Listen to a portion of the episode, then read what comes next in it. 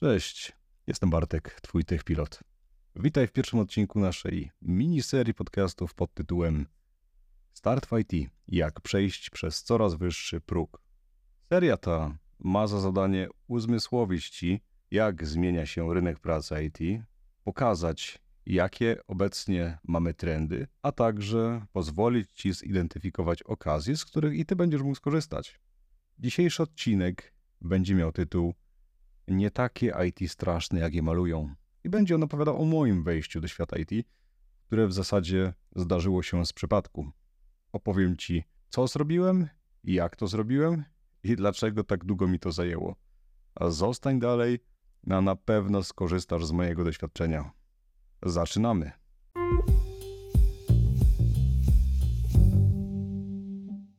Może zacznijmy od początku. W roku 2014 postanowiłem się wreszcie ustatkować, jako że po studiach, będąc gamingowym nerdem, który zresztą zarabiał z gier pieniądze, pomyślałem, że warto byłoby mieć jakieś stałe źródło dochodu. I tutaj z pomocą przyszła mi firma Aon. W zasadzie trafiłem tam całkowicie z przypadku. Wysłałem CV, szybka rozmowa, szybki feedback i dostałem pracę jako, uwaga, administrator systemów emerytalnych. Jak się domyślacie, z IT nie miało to kompletnie nic wspólnego. Praca może nie była jakoś szałowa, ale była i skupiała się głównie na klepaniu. Były tutaj transfery, operacje dla poszczególnych userów wewnątrz schematów emerytalnych.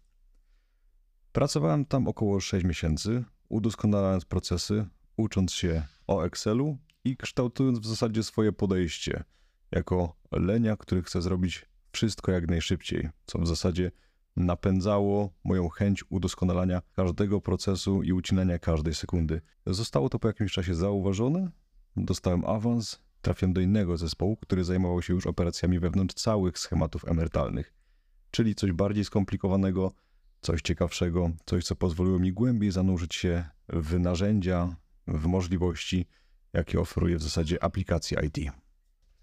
Ale dla młodego człowieka nie było to wystarczająco, tym bardziej, że usłyszałem, ile zarabia jeden z moich kolegów w firmie IT. Pomyślałem, wow, no przecież za tyle kasy to sobie można życie ułożyć. I stwierdziłem, że byłoby warto rozejrzeć się za czymś takim. Rozglądając się za nową pracą, trafiłem do Electroluxa, znów nie do IT, tym razem do HR-ów. Stanowisko nazywało się po polsku specjalista do spraw wynagrodzeń. I z oferowaną stawką wydawało mi się, że złapałem Boga za nogi.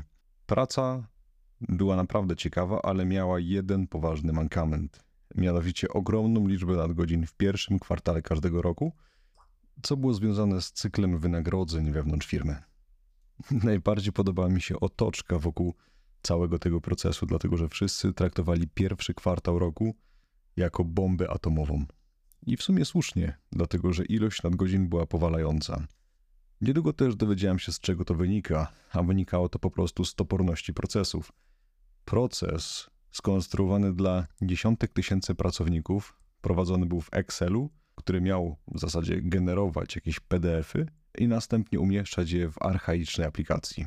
Na samym początku nie wiedziałem dokładnie, jak się za to zabrać, żeby robić to szybciej, więc zrobiłem to tak, jak było napisane, krok po kroku. I w ciągu jednego kwartału zrobiłem 240 nadgodzin. Nie była to idealna sytuacja, ale przynajmniej zawsze jakaś dodatkowa kasa na wakacje. Po zakończeniu tego kwartału zacząłem się zastanawiać, jak mógłbym przyspieszyć ten proces.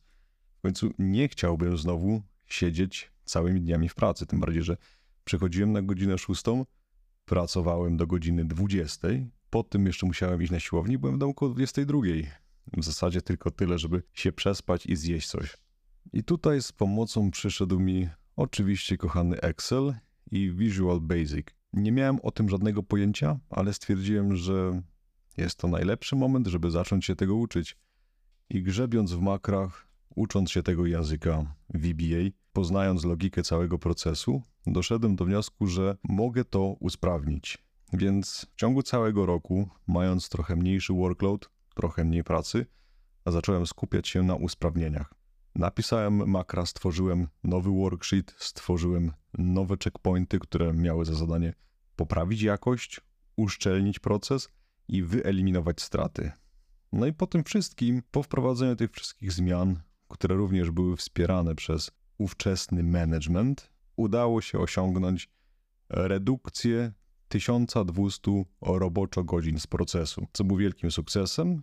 No i jakość z 86% wzrosła do 97,5%.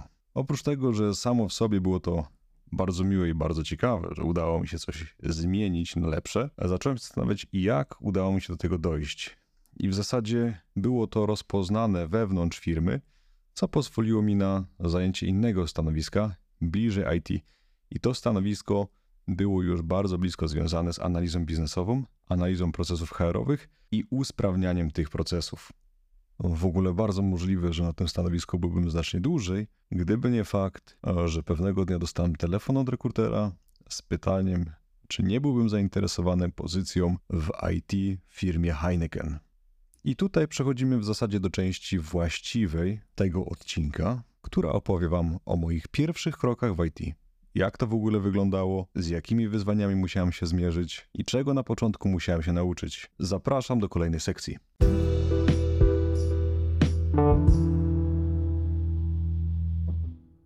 A, IT, IT. Co to w ogóle jest to IT?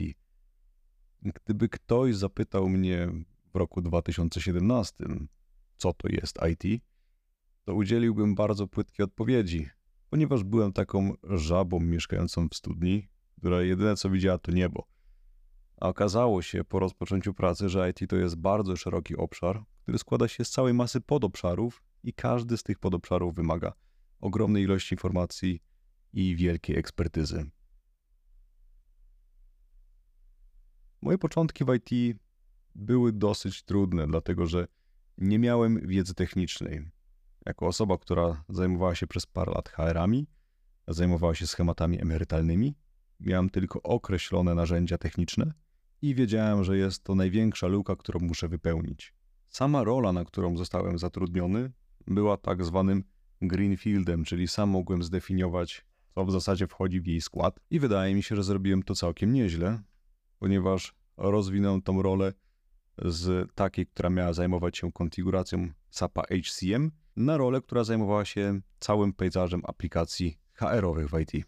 Dział HR to ciągle byli moi główni interesariusze, aczkolwiek były również dodatkowe projekty związane z danymi i automatyzacją i robotyzacją procesów. Z perspektywy czasu mogę powiedzieć, że moje miękkie umiejętności i moje nastawienie, które skupiało się głównie na rozwiązywaniu problemów, było tym, co pomogło mi najbardziej, ponieważ wiedza zdobywana w sposób praktyczny to jest to wiedza najtrwalsza i najbardziej spokrewniona z tym, czym w danym momencie się zajmujemy.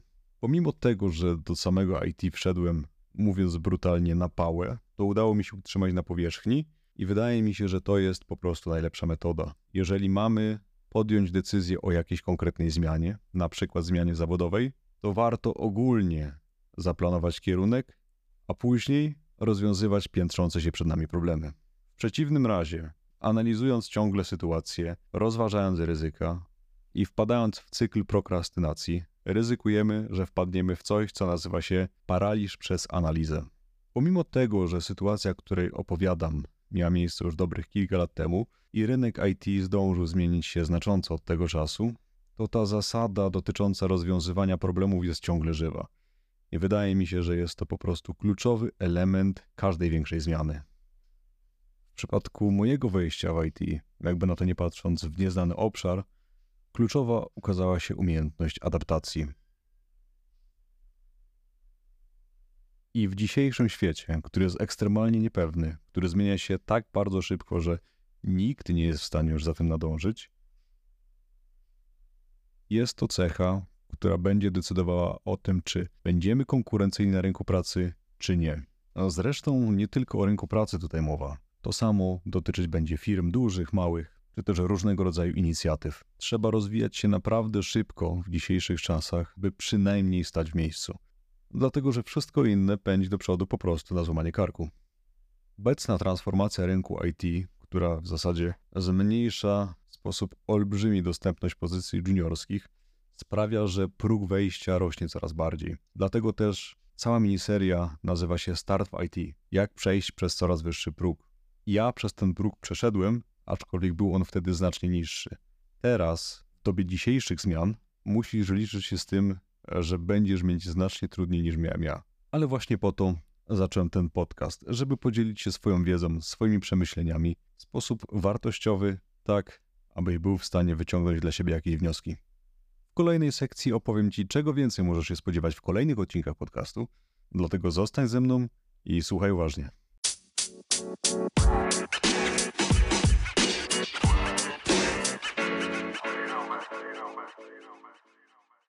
Dzisiaj dowiedziałeś się, jak wyglądał mój start w IT, z jakimi problemami ogólnie się zmagałem i jak sobie z tym poradziłem.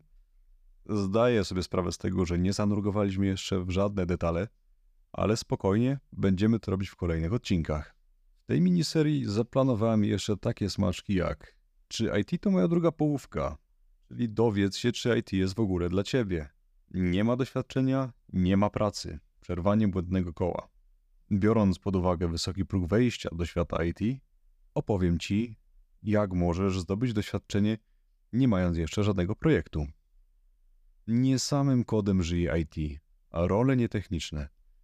Jeżeli z kimś rozmawiam, to za każdym razem słyszę: Chcę iść do IT, chcę być testerem. Ale IT to nie tylko testing i development, to także product management, project management, analiza biznesowa. O tym i o wielu innych rzeczach porozmawiamy w tym cyklu. A także nie strzelaj sobie w kolano, czyli czego unikać na początek. Będą też bonusy typu czy można kłamać w CV oraz jak śpiewająco przejść swoją pierwszą rozmowę kwalifikacyjną w IT.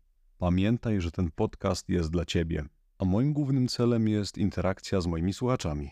Dlatego jeżeli masz jakiekolwiek pytania, jeżeli chcesz, abym poruszył jakikolwiek temat, śmiało dawaj znać. A tymczasem zachęcam Cię do słuchania kolejnych epizodów i do zanurkowania w świat technologii razem ze mną, Twoim techpilotem. Cześć, do usłyszenia w następnym podcaście.